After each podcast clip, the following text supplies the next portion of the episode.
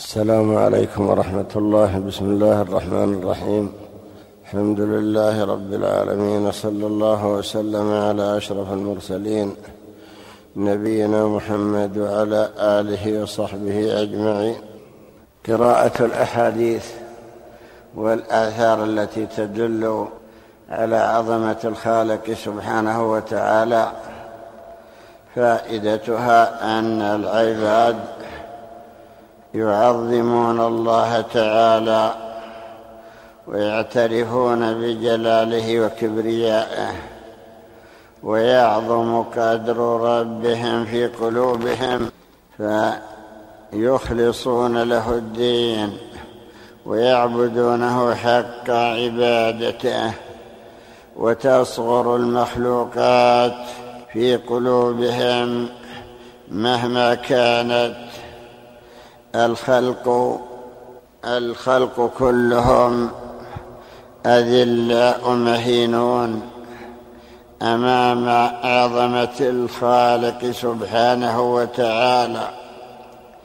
فالذين يعبدون غير الله لو استحضروا عظمة الخالق سبحانه لما صدوا بقلوبهم إلى تلك المخلوقات فإن الذين يعظمون الأشجار والأحجار وينحتون الأصنام من حجارة أو من خشب أو نحوها على صور بعض الصالحين أو بعض الأولياء أو يصورون صورهم وينصبونها إلى مجالسهم ويعظمون تلك الصور التي هي جثث أو تماثيل ويعلقون عليها الآمال ويرجون منها النفع.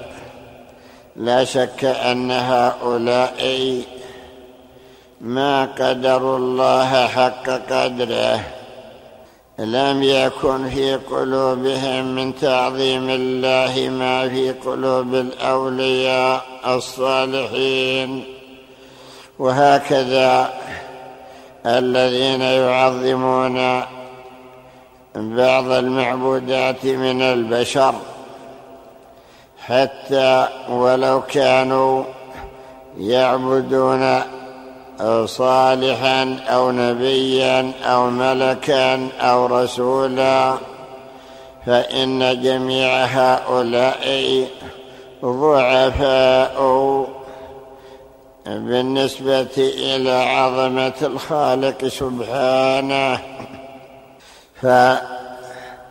فهناك الكثير من المتصوفة يعتقدون في بعض البشر ما لا يجوز اعتقاده فإنهم يعظمون بعض الناس كالذين مثلا يعتقدون في عبد القادر الجيلاني وما هو بشر خلق من ماء مهين.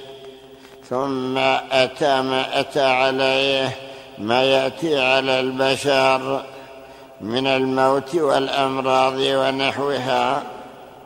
مات وانقضت حياته ومع ذلك لا يزال هناك من يعبده.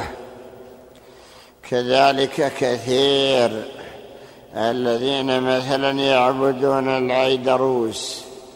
أو يعبدون تاج أو يعبدون يوسف أو يعبدون شمسان أو يعبدون البدوي أو يعبدون ابن علوان أو يعبدون عليا أو الحسن أو الحسين أو زين العابدين يعظمون هؤلاء.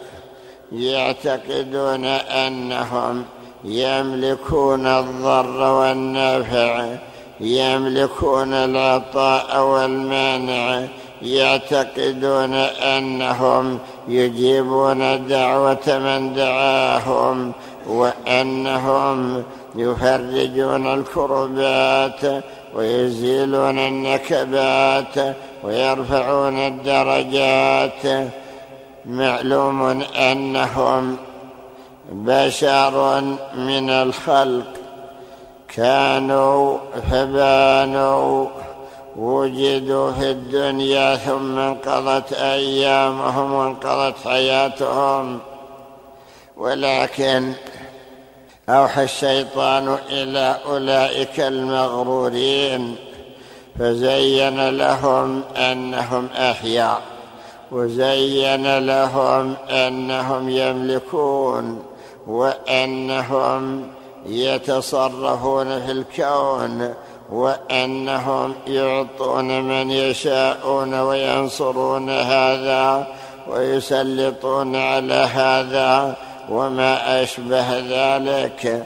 ودليله أنهم في أشد الأزمات وأشد الكربات يهتفون بأسمائهم ويدعونهم مع الله تعالى ويصرفون لهم خالص حق الله.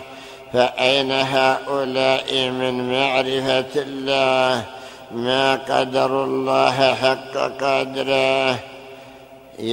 والأرض جميعا قبضته يوم القيامة والسماوات مطويات بيمينه. هذه عظمة الخالق فهل هؤلاء لهم من ذلك شيء؟ ولكن لما سول لهم الشيطان أوقعهم في تعظيم هؤلاء البشر وزين لهم أنهم يعطون ويمنعون ويملكون الخير والشر. فوصفوهم بصفات الخالق سبحانه وتعالى. كما يعتقد ذلك من يعتقدون في علي الذين يزورونه في النجف يعتقدون أنه يسمعهم وأنه ينفعهم وأنه يفيدهم وأنه ينصرهم ويتعلقون بحكايات موجودة في كتبهم من الأكاذيب التي لا أساس لها.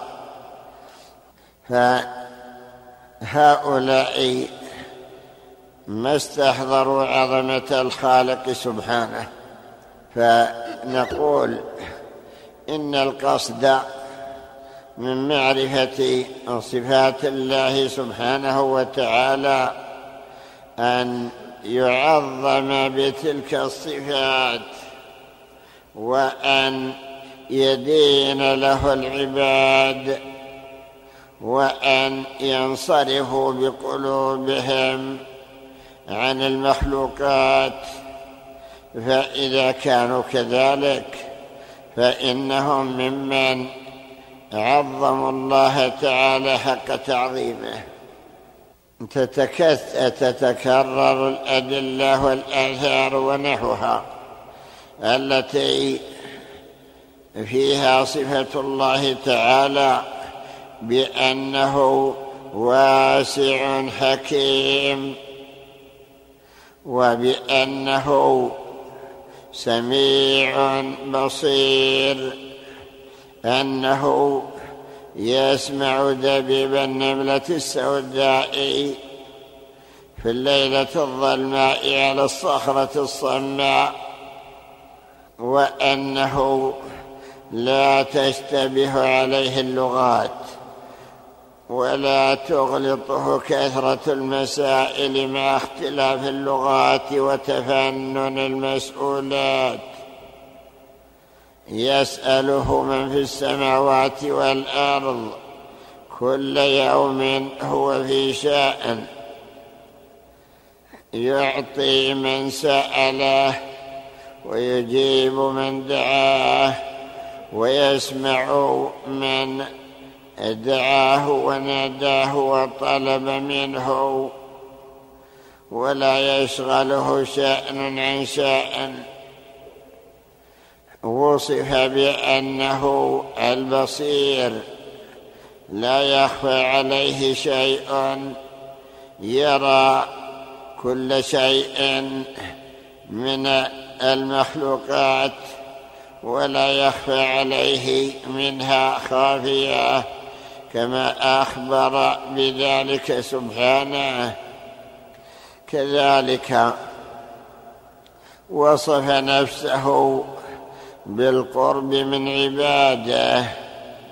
فإني قريب أجيب دعوة الداعي إذا دعان. وهكذا أيضا خلقه الذي نشاهده. مع عظمة هذه المخلوقات لا شك أنها دليل على عظمة الخالق سبحانه وتعالى. فإذا عرفنا مثلا سعه هذه الأرض التي نحن عليها فإنها صغيرة بالنسبة إلى عظمة الخالق. كذلك أيضا عظمة السماوات المحيطة بالأرض من كل جهاتها. وكثف هذه السماوات كما ورد أن ما بين السماء والأرض مسيرة خمسمائة سنة. يعني لو ساره السائر على السير المعروف على الأقدام ونحوها ما قطعها إلا في خمسمائة سنة. ليس في مئة سنة. ليس في عشر سنين. ليس في خمس سنين. خمسمائة سنة. كثف السماوات كل سماء كثفها وغلظها مسيرة خمسمائة سنة. ما بين كل سماءين مسيرة خمسمائة سنة. وهكذا كل سماء. كذلك أيضا ما بين السماء السابعة وبين العرش بحر ما بين أسفله وأعلاه كما بين سماء إلى سماء. ورد أيضا عظمة حملة العرش الذين يحملون العرش من الملائكة الذين ذكرهم الله ويحمل عرش ربك فوقهم يومئذ ثمانية. ورد في عظمة خلقهم أن ما بين شحمة أذن أحدهم وعاتقه مسيرة خمسمائة سنة. وكذلك ما بين قدمه وكعبه مسيرة كذا وكذا وما بين كعبه وساقه مسيرة خمسمائة سنة. وهكذا من الذي يحصي هذه المسافة؟ من الخالق هذا بش خلق؟ خلق من خلق الله تعالى الذين خلقهم وسخرهم وقواهم ليحملوا عرشه. ومع ذلك ما يحملون عرشه إلا بالتكبير أو بالتسبيح كما في قوله تعالى الذين يحملون العرش ومن حوله يسبحون بحمد ربهم ويؤمنون به. وترى الملائكة حافين من حول العرش يسبحون بحمد ربهم. فما يقدرون على تسبيحه على حمل العرش إلا بالتسبيح. العرش لا يقدر قدره إلا الله. قد ذكر الله أن الكرسي وسع السماوات والأرض وسع كرسيه السماوات والأرض الكرسي كالمرقاة بين يدي العرش فالسماوات مع عظمها والأرضون مع كبرها. بالنسبة إلى الكرسي كدراهم سبعة ألقيت في ترس. الكرسي بالنسبة إلى العرش كحلقة ملقاة بأرض فلاة من الأرض. حلقة حديدة متلاقية الطرفين ألقيت في فلاة ماذا تشغل من هذه الأرض؟ ورد أيضا عن ابن عباس. قال ما السماوات السابع والأرضون السابع في كف الرحمن؟ في قبضة الرحمن كمثل حبة خردل في يد عبد. حبة الخردل أصغر من حبة الدخن يعني من أصغر ما يوصف. ماذا تشغل حبة الخردل من يد الإنسان؟ لو قبض مثلا عشرة آلاف من حب الخردل لقبضها في يده فكيف بحبة واحدة؟ السماوات السبع والأرضون السبع يقبضها الله كما قال الله تعالى والأرض جميعا قبضته يوم القيامة والسماوات مطويات بيمينه فهذه عظمة الخالق سبحانه. الذين يعظمون الأولياء أو يعظمون الصالحين يجهلون عظمة الرب سبحانه ولو ولو استحضروا عظمته وجلاله وكبرياءه لما عظموا غيره لعظم قدر ربهم في قلوبهم. ولما مالوا إلى أحد من المخلوقات. ولكن أكثر الناس لا يعلمون. كذلك أيضا الذين يتجرؤون على المعاصي يعملون الذنوب ويصرون عليها.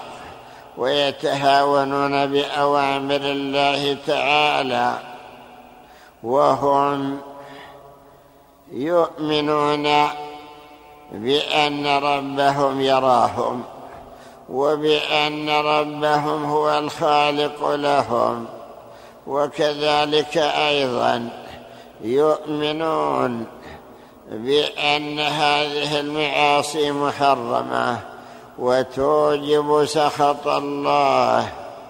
لا شك أن معرفتهم ناقصة وأن إيمانهم ضعيف وأنهم لو استحضروا عظمة الخالق سبحانه لما أقدموا على معصيته ولما تجرأوا على الذنوب.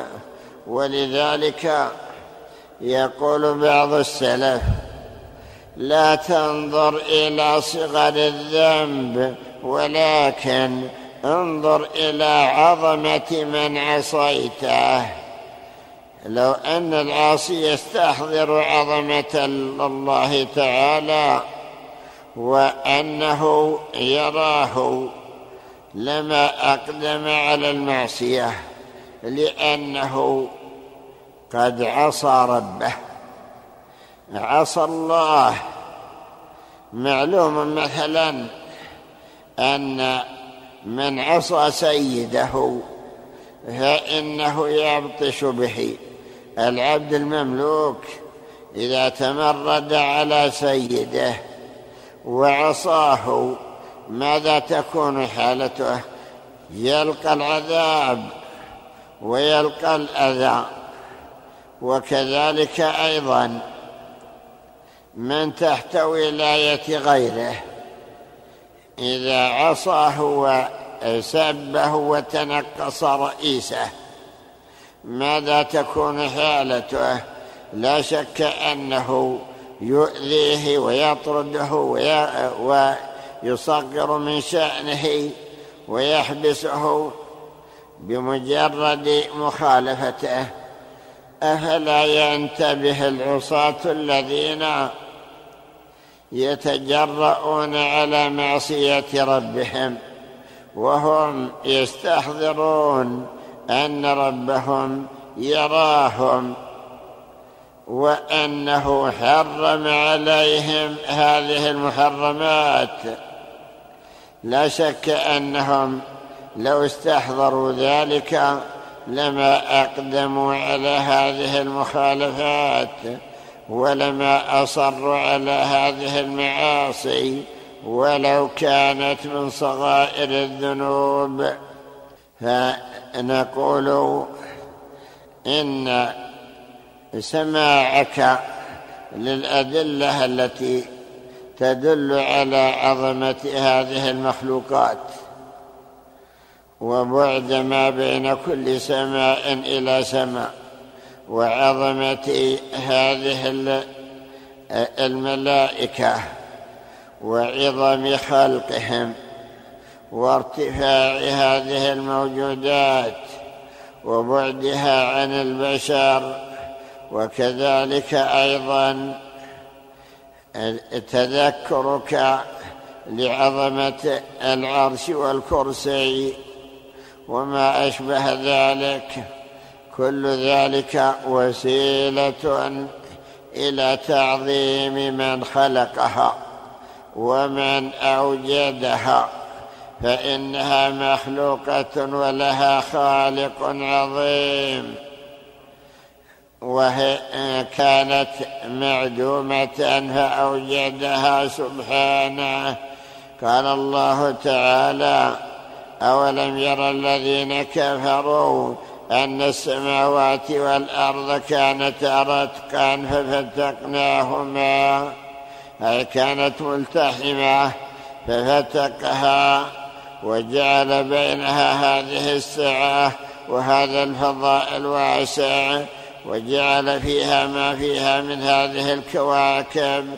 وهذه الأفلاك وسير فيها هذه الكواكب السائرة وأرسى فيها هذه الثوابت الذي أوجدها وخلقها.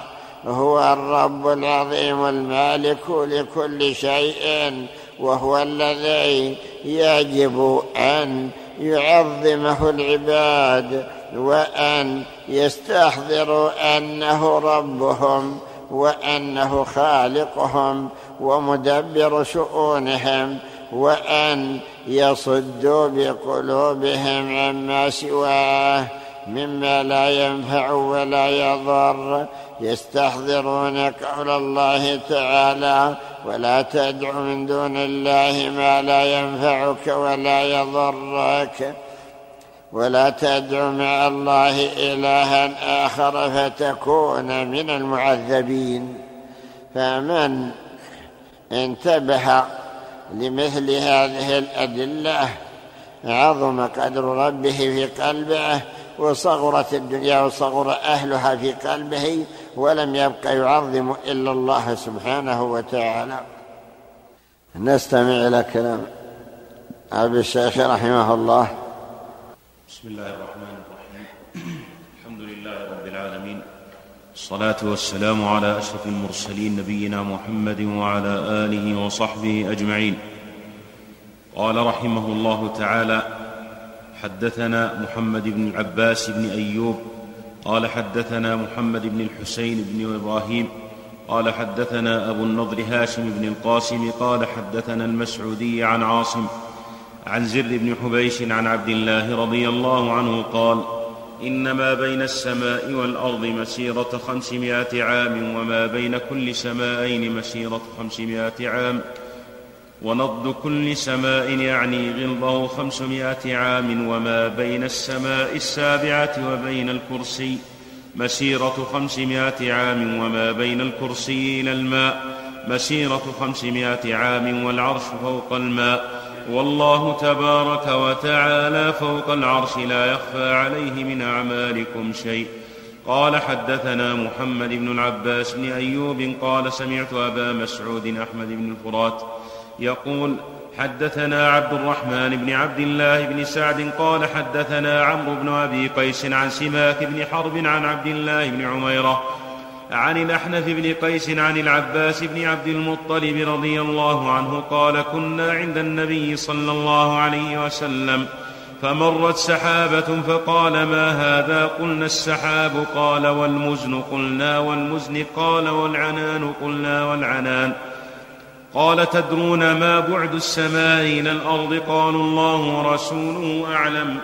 قال كذا وكذا سنة ثم عد سبع سماوات. وفوق ذلك بحر ما بين أعلاه إلى أسفله ما بين السماء إلى سماء. وفوق ذلك ثمانية أوعال ما بين أظلافهن وركبهن ما بين سماء إلى سماء. والعرش فوق ذلك والله تبارك وتعالى فوق ذلك بعلمه على العرش. قال حدثنا الوليد قال حدثني موسى بن يوسف قال حدثنا عبد المؤمن بن علي قال حدثنا عبد السلام بن حرب عن يزيد أبي خالد عن يزيد بن أبي عن يزيد أبي خالد الدالاني عن سماك بن حرب عن عبد الله القيسي بن عمير ابن عميرة عن الأحنف بن قيس عن النبي صلى الله عليه وسلم نحوه. قال حدثنا محمد بن العباس قال حدثنا محمد بن مرزوق بن بكير قال حدثنا يحيى بن سعيد العبشمي قال حدثنا ابن جريج عن عطاء عن عبيد بن عمير عن أبي ذر رضي الله عنه قال قلت يا رسول الله أي آية أنزلها الله عليك أعظم؟ قال آية الكرسي. ثم قال يا أبا ذر ما السماوات السبع؟ في الكرسي إلا كحلقة ملقاه في أرض فلاه وفضل العرش على الكرسي كفضل الفلاه على تلك الحلقة.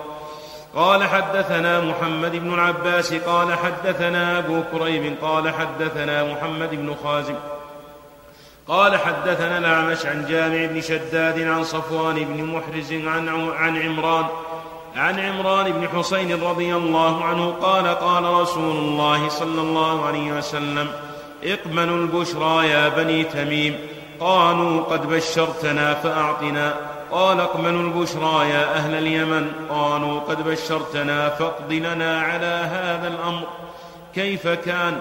فقال رسول الله صلى الله عليه وسلم كان الله عز وجل على العرش وكان قبل كل شيء وكتب في اللوح كل شيء يكون. قال حدثنا الوليد قال حدثنا يحيى بن أبي طالب قال حدثنا يزيد بن هارون. قال أخبرنا المسعودي عن جامع بن شداد عن ابن بريدة الأسلمي عن أبيه رضي الله عنهما قال قال النبي صلى الله عليه وسلم كان الله لا شيء غيره وكان عرشه على الماء وكتب في الذكر كل شيء يكون وخلق سبع سماوات. قال حدثنا إبراهيم بن محمد بن الحسن قال حدثنا أحمد بن سعيد قال حدثنا ابن وهب قال ابن وهب قال أخبرني مسلم بن خالد عن زكريا بن إسحاق عن حميد الأعرج عن مجاهد رضي الله عنه قال خلق الله تبارك وتعالى اليراع أول ما خلق من الأشياء واليراع القصب ثم خلق القلم من ذلك اليراع ثم قال اكتب ما يكون إلى يوم القيامة. قال حدثنا إبراهيم بن محمد بن الحسن قال حدثنا سعيد بن أبي زيدون قال حدثنا الفريابي عن سفيان عن الأعمش عن المنهال بن عمرو عن سعيد بن جبير قال سئل ابن عباس رضي الله عنهما حين كان العرش على الماء. على أي شيء كان الماء؟ قال على متن الريح. قال حدثنا إبراهيم قال حدثنا محمد بن عبد الله بن يزيد المقرئ. قال حدثنا أبي عن المسعودي عن جامع عن رجل عن رجل عن بريدة رضي الله عنه عن النبي صلى الله عليه وسلم قال إن الله عز وجل كان لا شيء غيره وكان عرشه على الماء. وكتب في الذكر كل شيء وهو وخلق سبع سماوات. قال حدثنا إبراهيم بن محمد قال حدثنا سعيد بن أبي زيد قال حدثنا الفريابي قال حدثنا قيس عن ابن أبي ليلى عن المنهال بن عمرو عن سعيد بن جبير عن ابن عباس رضي الله عنهما قال كان عرش الله على الماء. فاتخذ جنة لنفسه ثم اتخذ أخرى فأطبقه بلؤلؤة واحدة ثم قال ومن دونهما جنتان لا يعلم الخلق ما فيهما. قال حدثنا إبراهيم بن محمد قال حدثنا العلاء بن سالم قال حدثنا إسحاق الأزرق عن سفيان عن عبيد المكتب عن مجاهد عن ابن عمر رضي الله عنهما قال خلق الله تبارك وتعالى بيده أربعة أشياء آدم والعرش والقلم وجنة عدن وقال لسائر الخلق كن فكان.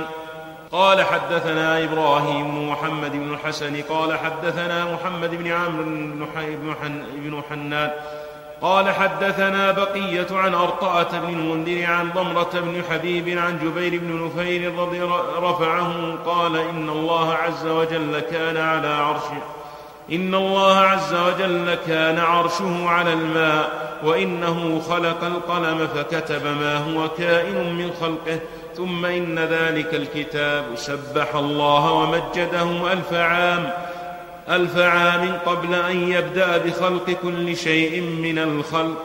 قال حدثنا إبراهيم بن محمد قال حدثنا أبو سعيد الأشج ومحمد بن سنجر قال حدثنا أبو مسامة عن إسماعيل بن أبي خالد قال قال سمعت سعد الطائي يقول العرش ياقوتة حمراء. قال حدثنا إبراهيم بن محمد قال حدثنا سعيد بن أبي زيدون قال حدثنا الفريابي قال حدثنا قيس عن عمار الدهني عن مسلم البطين عن سعيد بن جبير عن ابن عباس رضي الله عنهما. وسع كرسي السماوات والأرض. قال الكرسي موضع القدمين والعرش لا يقدر أحد قدره. قال حدثنا محمد بن العباس قال حدثنا محمد بن المثنى قال حدثنا ابن مهدي عن سليمان عن عمار الدهني عن سعيد بن جبير عن ابن عباس رضي الله عنهما قال الكرسي موضع القدمين مثله. قال حدثنا إبراهيم بن محمد قال حدثنا سوار بن عبد الله قال حدثنا المعتمر بن سليمان عن ليث عن مجاهد رحمه الله تعالى قال ما أخذت السماوات والأرض من العرش إلا كما تأخذ الحلقة من أرض الفلات قال حدثنا إبراهيم قال حدثنا علي بن عيسى قال حدثنا أحمد بن جناد عن عيسى بن يونس عن طلحة بن عمرو عن عطاء قال سمعت ابن عباس رضي الله عنهما يقول إنما مثل السماوات والأرض فيما ورائهن من الهواء حيث لا سماء ولا أرض كمثل فسطاط في صحرائكم كم ترى ذلك الفسطاط أخذ من الأرض؟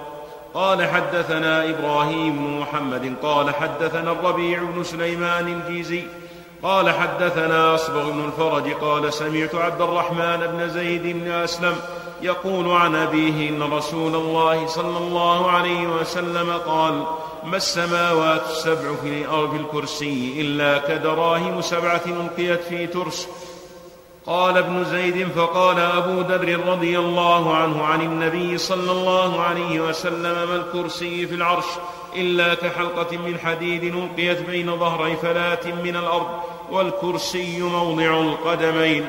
قال حدثنا إبراهيم بن محمد قال حدثنا الربيع بن سليمان عن يحيى بن عبد الله بن بكير بن بكير عن أبي عن ابن لهيعة قال حدثني عطاء بن دينار عن سعيد بن جبير عن ابن عباس رضي الله عنهما قال خلق الله عز وجل اللوح المحفوظ كمسيرة مائة عام فقال للقلم قبل أن يخلق الخلق وهو على العرش اكتب علمي في خلقي فجرى بما هو كائن إلى يوم القيامة.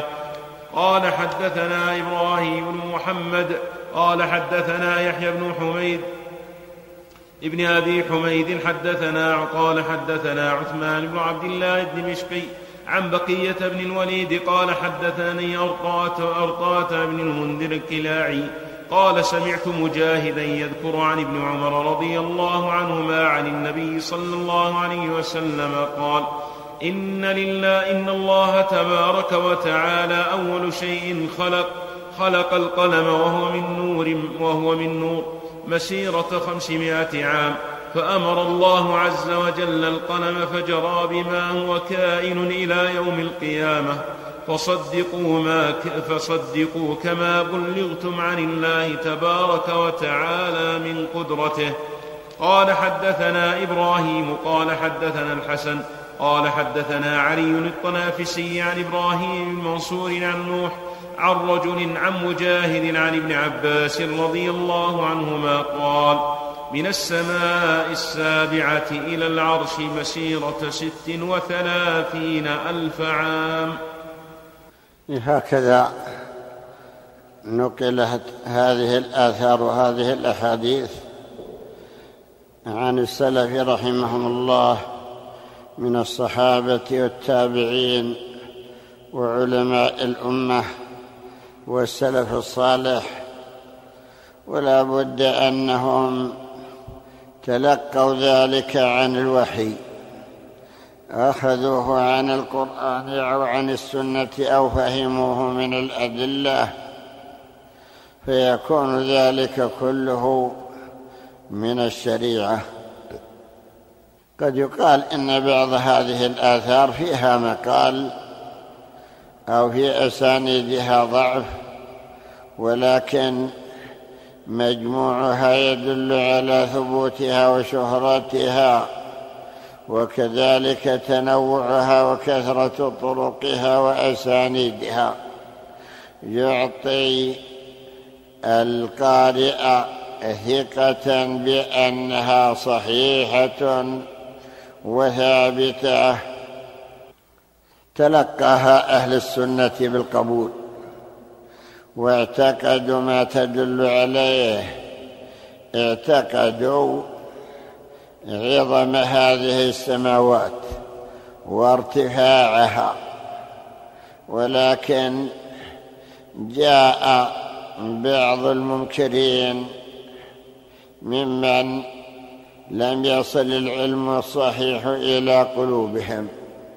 فأنكروا السماوات وادعوا أنه ليس هناك سماوات مبنية مخلوقة. فكذبوا النصوص على أي شيء اعتمدوا. هل وصلوا إلى السماء؟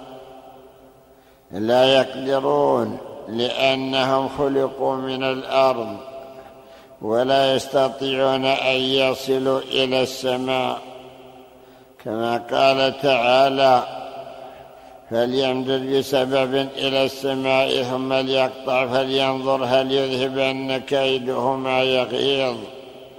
لا يستطيعون. قال الله تعالى فليرتقوا في الأسباب أي إن كانوا صادقين. لا يقدرون على أن يرتقوا في الأسباب. قد حكى الله عن فرعون أنه قال يا هامان ابن لي صرحا لعلي أبلغ الأسباب. أسباب السماوات فأطلع إلى إله موسى ولكن خذله الله ولو بنى صروح. ولو حاول أن يرقى ويصعد إلى السماء فإنه لا يستطيع. وهكذا أيضا أهل هذا الزمان. لا يستطيعون أن يصلوا إلى ما فوق الأرض ما وما في إمكانهم. ولو اخترعوا ما اخترعوا من صواريخ أو من مكالمات أو ما أشبه ذلك. اذا فلماذا ينكرون هذه النصوص؟ الله تعالى أخبر في آيات كثيرة أنه خلق سبع سماوات طباقا. ما ترى في خلق الرحمن من تفاوت؟ سبع سماوات. فقضاهن سبع سماوات في يومين. هكذا أخبر في عدة آيات. فالذين ينكرون أن يكون هناك سماوات ويقولون إنما هذا هواء منساب مستمر ليس فيه شيء. الله تعالى قد أخبر بأن في هذه السماء الدنيا كواكب زينة. قال تعالى وزينا السماء الدنيا بمزينة بزينة الكواكب. يعني هذه النجوم التي سيرها في هذه الأفلاك. وقال الله تعالى ولقد زينا السماء الدنيا بمصابيح وجعلناها رجوما للشياطين. يعني هذه الكواكب أخبر بأنها زينة للسماء ورجوما للشياطين. زينة للسماء الدنيا. الأحاديث أيضا وردت كما في حديث الإسراء الذي هو من خصائص النبي صلى الله عليه وسلم أن الله تعالى أسرى به. من بيت المقدس إلى السماء السابعة وهذا من خصائصه. ذكر أنه استفتح السماء الدنيا ففتح له ثم صعد به واستفتح السماء الثانية ففتح له إلى أن جاوز السبع الطباق وهذا من خصائصه أما غيره من البشر فلا يمكن أن يصعدوا سائر البشر فعلى أي شيء يعتمدون. يسمعون هذه النصوص ويجعلونها أساطير الأولين. السماوات ذكر الله تعالى عددها. وذكر أيضا عدد الأرض في قول الله تعالى ولقد خلقنا السماوات ولقد في قوله تعالى الله الذي خلق سبع سماوات ومن الأرض مثلهن أي خلق مثلهن عددا من الأرض. لا شك أن هذا خبر من الله تعالى. ومن أصدق من الله قيلا. ثم تكاثرت الأحاديث في عظم خلق هذه السماوات وكذلك الارضين ورد أيضا عددها. وإن كنا لا نعلم أين الباقي نحن على أرض واحدة. ولا ندري أين بقية الأراضي التي قال ومن الأرض مثلهن. لا يحيط بها ولا يعرف مكانها إلا خالقها. كذلك أيضا السماوات السبع سماء فوق سماء قد أخبر الله تعالى بان في كل سماء من يعمرها. في حديث أبي سعيد الذي في كتاب التوحيد يقول لو أن السماوات السابع وعامرهن غيري والارضين السابع في كفة ولا إله إلا الله في كفة مالت بهن لا إله إلا الله. دليل على أن هناك سبع سماوات وسبع أراضين. وكذلك أيضا الأدلة التي دلت على عظمها أن كثف كل سماء يعني غلظها مسيرة خمسمائة سنة. وأن ما بين كل سماءين مسيرة خمسمائة سنة فمعناه أن من السماء الدنيا إلى السماء السابعة مسيرة سبعة آلاف سنة.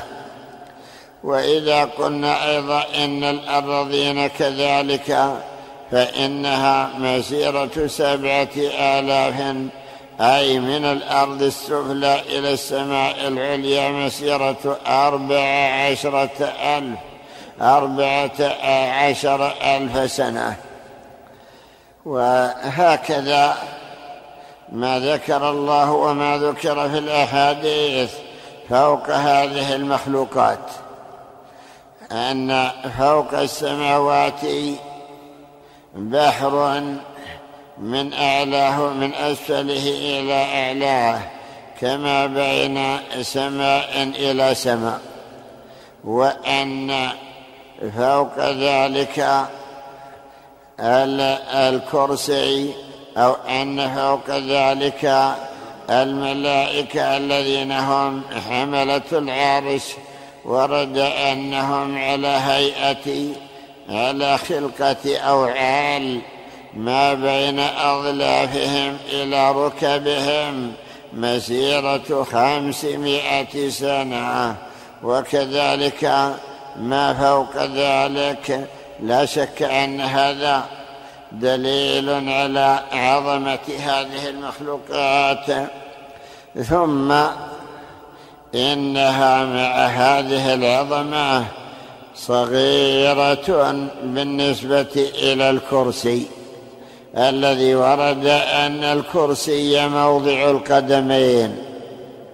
وورد أنه كالمرقاة بين يدي العرش. كالمرقاة التي تكون بين يدي العرش. العرش هو السرير العظيم الذي يجلس عليه الملوك. العرش هو سرير الملك. كما قال تعالى ولها عرش عظيم وقال أيكم يأتيني بعرشها؟ أهكذا كان عرشك. يعني ملكة سبع اتخذت أو صنعت لها عرشا كبيرا. ولكنه صغير حيث جاء به ذلك الذي أتى به الذي عنده علم من الكتاب. كذلك ذكر في قصة يوسف في قوله تعالى ورفع أبويه على العرش أي لما أتاه أبواه رفعهما على العرش أي على السرير الذي يجلس عليه.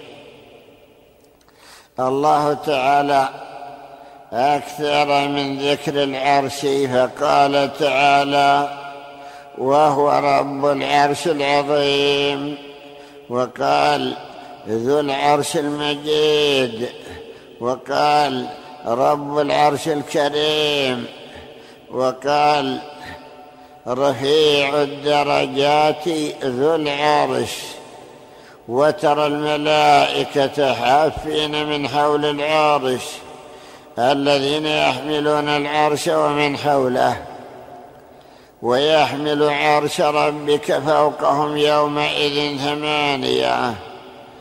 وذكر أنه على الماء في أول الأمر. في قوله تعالى وهو الذي خلق السماوات خلق خلق السماوات والأرض في ستة أيام وكان عرشه على الماء. سمعنا سئل ابن عباس على أي شيء الماء؟ قال على متن الريح. كأنهم استشكلوا العرش على الماء. الماء لا بد أن يكون له ما يعتمد عليه. الماء عادة لا يمكن أن يكون في الهواء. فأخبر بأنه على متن الريح. خلق الله تعالى الريح قوية فكانت محتملة للماء كما شاء الله. الله قادر على أن يجعل العرش على أي شيء يعتمد.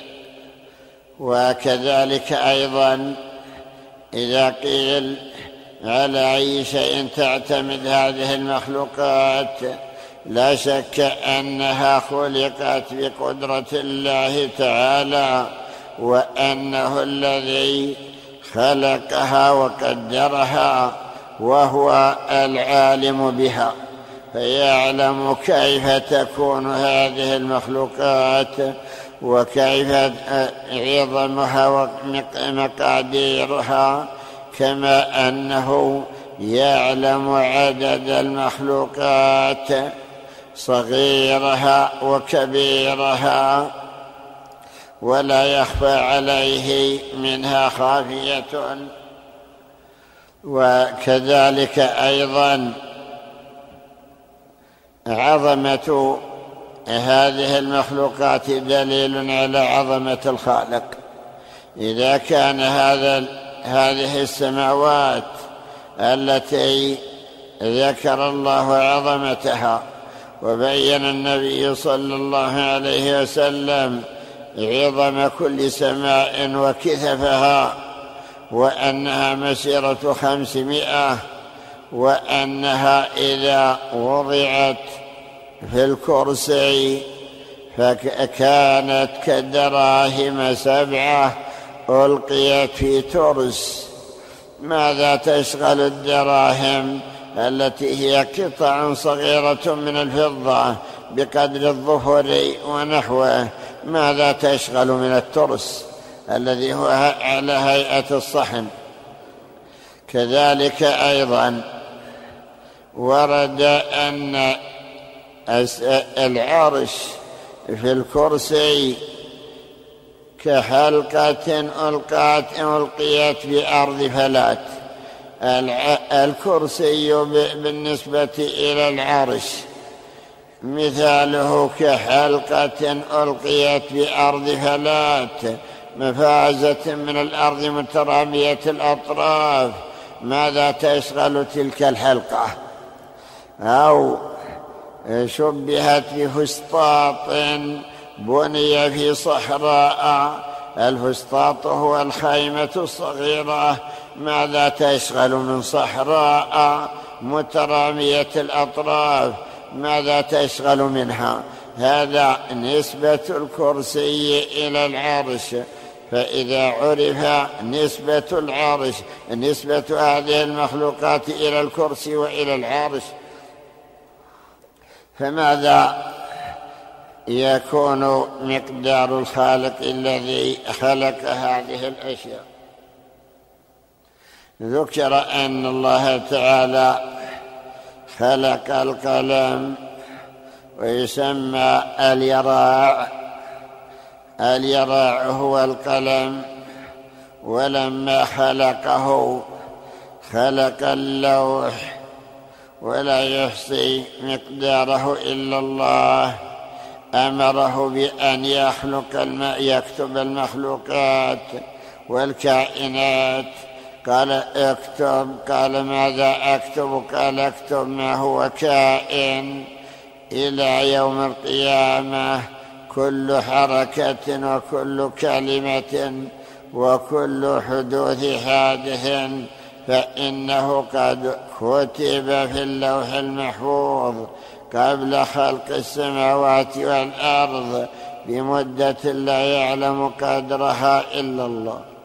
قيل بخمسين ألف ألف سنة خمسين ألف سنة أي مدة الكتابة من يحصي هذه هذه السنوات إلا الخالق سبحانه وتعالى وهكذا أيضا نقول إن الرب سبحانه وتعالى لما خلق هذه المخلوقات خلقها بقدرته قادرا على أن يخلقها في لحظة. إنما أمره إذا أراد شيئا أن يقول له كن فيكون. فخلقها كما أخبر في سبعة ستة أيام. لا شك أنه خلقها كذلك كما قدر وكما أخبر مع أنه لا يعجزه شيء أراده. وهكذا أيضا ما سمعنا من أنه خلق أو غرس جنة عدن بيده وخلق آدم بيده وكتب التوراة بيده. والمعروف مع أن الجميع خلقه كما يشاء. ومن ذلك آدم. قال الله تعالى إن مثل عيسى عند الله كمثل آدم خلقه من تراب ثم قال له كن فيكون. اخبر بأنه خلقه من تراب وأنه قال له كن. كما قال ذلك للملائكة للملائكة. أي خلقهم بقوله كن. وكما قال ذلك أيضا لسائر المخلوقات. كلها قال لها كن. ولو كان قد خلقها من مادة كونها منها. حيث خلق آدم من طين. مع أنه قادر على أن يكونه من أي شيء. وقال النبي صلى الله عليه وسلم خلقت الملائكة من نور وخلق الجان من مارج من نار وخلق آدم مما وصف لكم. يعني أنها خلقت من هذه المواد كما أيضا قدر خلق المخلوقات الأخرى من مواد أي هو الذي جعل لها مواد تخلق منها. قال تعالى ثم جعل نسله من سلالة من ماء مهين أي نسل آدم أي بني آدم يخلقهم من سلالة أي من هذا المنع كما في قول الله تعالى ألم يكن نطفة من مني يمنى ثم كان علقة فخلق فسوى. أخبر بتطور خلق الإنسان في بطن أمه. في قول الله تعالى ولقد خلقنا الإنسان من سلالة من ماء مهين ثم جعلناه نطفة في قرار مكين ثم خلقنا النطفة علقة فخلقنا العلقة مضغة إلى آخره.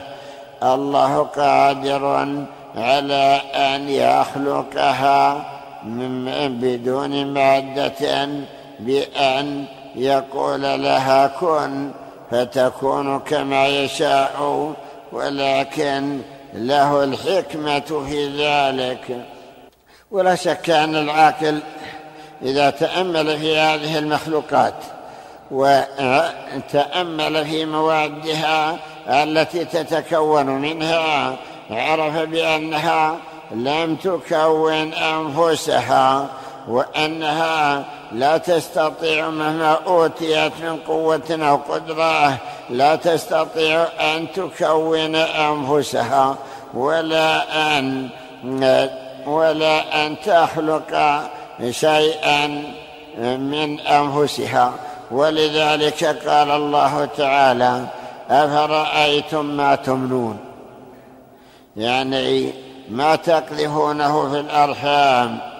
أأنتم تخلقونه أم نحن الخالقون؟ نحن قدرنا بينكم الموت. أي لستم أنتم الذين تخلقون أولادكم بل الخالق هو الله وحده. لو كان الإنسان هو الذي يختار ويخلق أولاده لا اختار أن يجعلهم مثلا ذكورا أو أن لا يكون فيهم معيب أو لا يكون فيهم سيء الخلقة أو ما أشبه ذلك. إذا فالخالق هو الله وحده. نؤمن بما ورد في هذه الآثار من سعة هذه المخلوقات. يقول الله تعالى والسماء بنيناها بأيد وإنا لموسعون. الإيساع معناه أنه سبحانه خلق خلقا لا يحصيهم إلا الله ولا يصل إلى إليهم ذهن ذاهن ولا معرفة عارف وإنا لموسعون. وكذلك أيضا نؤمن بما أخبر الله تعالى أنه فوق العرش كما يشاء. وقد اتفق على ذلك أهل السنة وسلف الأمة واعترفوا بأن الله على عرشه قد استوى عليه كما يشاء.